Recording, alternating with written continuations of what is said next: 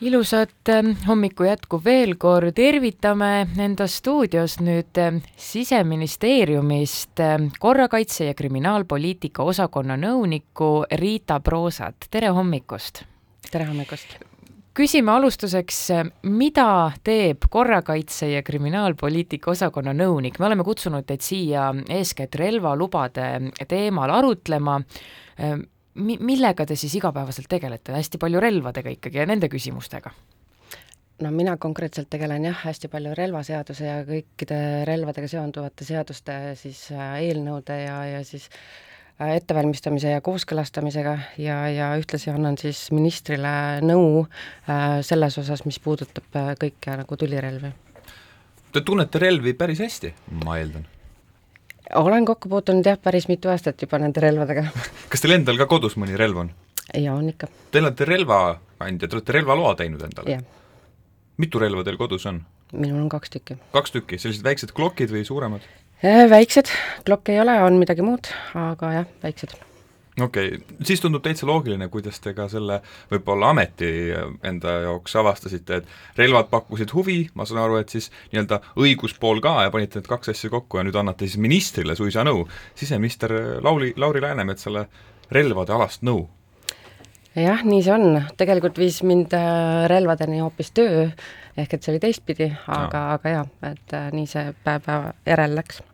Äh eile kirjutas Postimees sellise pealkirjaga loo, et eestlased kurdavad raskusi relvaloa saamisel, Vene kodanike käes endiselt ligi tuhat tulirelva.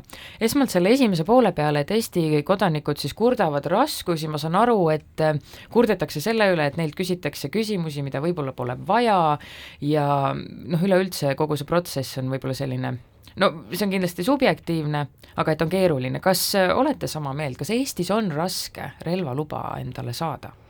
Noh, tegelikult päris nii ei ole, et äh, selge on see, et äh, kergekäeliselt äh, relvaluba välja ei anta, selleks on kindlad protseduurid, inimene peab läbima relvaeksami, tegema tervisetõendi ja tundma siis seadust, et aga ei saa öelda, et see oleks raske. kas on ka psühhiaatriline ekspertiis jätkuvalt seal mi-, mingit sorti? jah. aga on see viimasel ajal muutunud keerulisemaks, kui ta oli näiteks mõned aastad tagasi?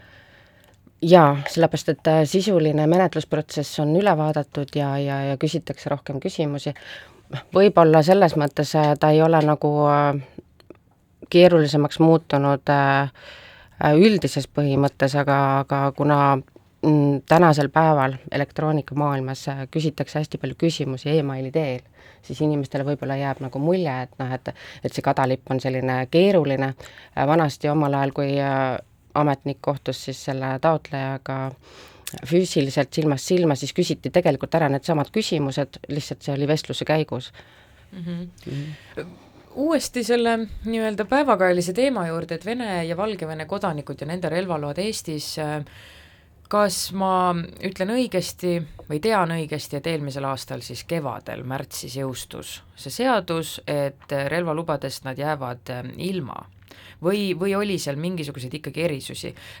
Või siis ootavad nüüd nüüd kehtivusaja lõppu, et kuidas nüüd sellega on, inimene tahab teada, millal Vene kodanikud Eestis relvalubadest ilma jäävad, kas üldse jäävad?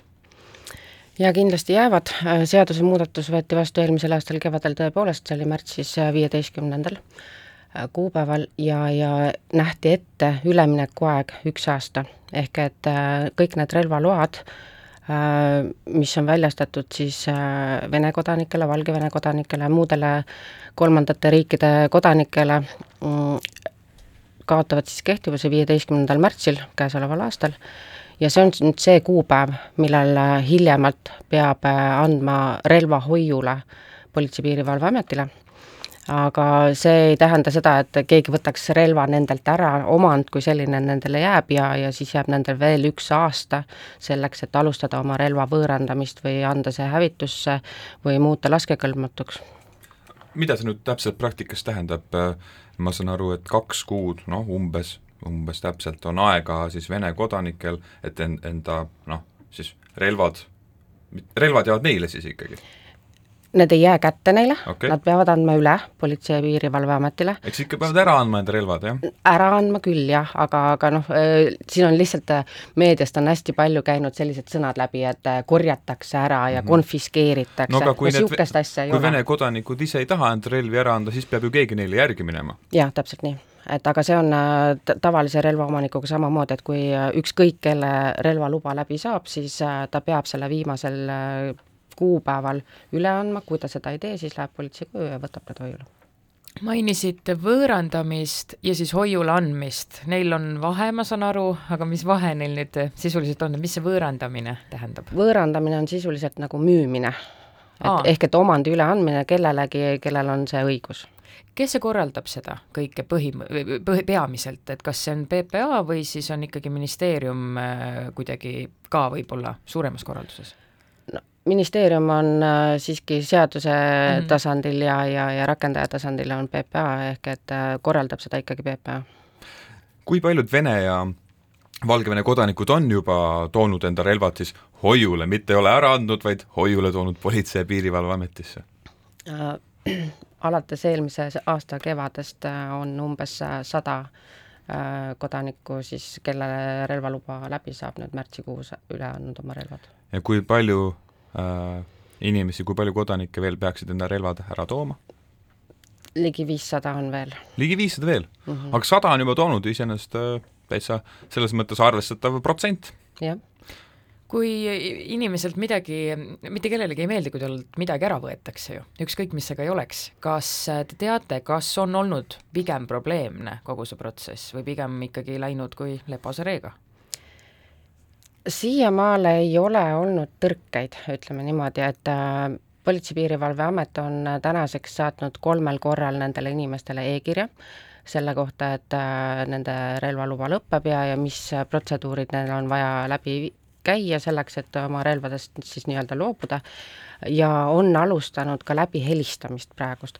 ja, ja siiani, nii palju, kui mul on infot siis PPA-st inimesed on suhteliselt mõistvad nendel on olnud aega kohanemiseks, järelemõtlemiseks ja, ja, ja hetkel ei ole nagu kõlanud äh, sellist äh, hullu pahameelt või midagi.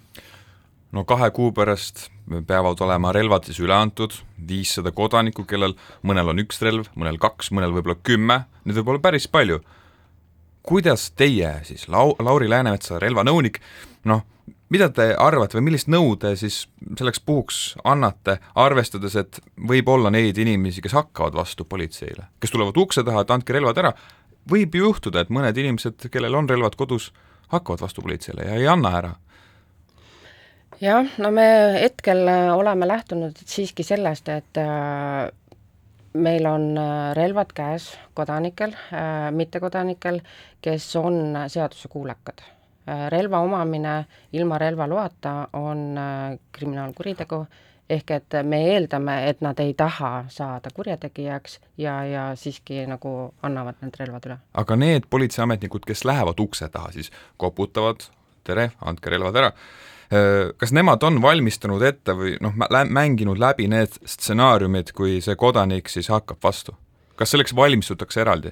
Selleks eraldi ei valmistuta, selline võimalus on äh, iga kodaniku puhul äh, igapäevaselt, nii et äh, nad teevad iga päev oma tööd ja, ja nad on juba tööks ette valmistunud. See on Riigikogus ju olnud mitme eelnõuga, kuulajatele, kes siis nüüd alles meiega liitusid, räägime hetkel relvalubadest Valgevene ja, ja Vene kodanike puhul nendest ilmajäämisest, et kui Riigikogus on olnud see teema pikemalt, kas ka ministeeriumis on olnud mingisugune julgeolek, julgeolekualane võib-olla riskihinnang või ongi see relvalubadest ilmajätmine puhtalt poliitiline Eestis olnud? See kindlasti ei ole poliitiline otsus, see seadusemuudatus annab täiendava lahenduse julgeoleku ja avaliku korra tagamise kindlustamisel ja, ja võimaldab vältida sellist olukorda, kus siis relvaloaga inimesel võib tekkida oma kodakondsusjärgse riigi ees kohustus, lojaalsuskohustus, mis on siis Eesti riigi huvidele vastupidine. mida see tähendab praktikas? no maakeeli öeldes, et kui Venemaa kutsub oma kodanikud äh, sõtta Eesti vastu, siis äh, nendel on ju kohustus, lojaalsuskohustus, ehk et nad võivad oma relvad võtta ja tulla meie vastu. ja, ja see on siis see eesmärk, mida üritatakse vältida. ma, ma just mõtlen, et kas sellises olukorras, kus on reaalne oht, et Venemaa noh, peab olema teinud ju noh, esimesed sammud, et Eestit rünnata, kutsub siis siinsed Vene kodanikud enda vägedesse, no selles olukorras ju Eesti riigi seadused enam nii või naa ei loe. kas see üks seadus, millega täna siis noh, relvaload ära võetakse, okei okay,, ma saan aru, eesmärk on relvad ära võtta? täpselt nii. ja, ja, ja okei okay. igatahes äh, suur tänu äh, teile, Riita Proosa, Siseministeeriumi korrakaitse ja kriminaalpoliitika osakonna nõunik, väga pikk ja, ja korralik ametinimetus, aga rääkisime siis teiega relvalubadest ja nende äravõtmisest, kuulake igatahes järele, aitäh, Riita! Aitäh teile!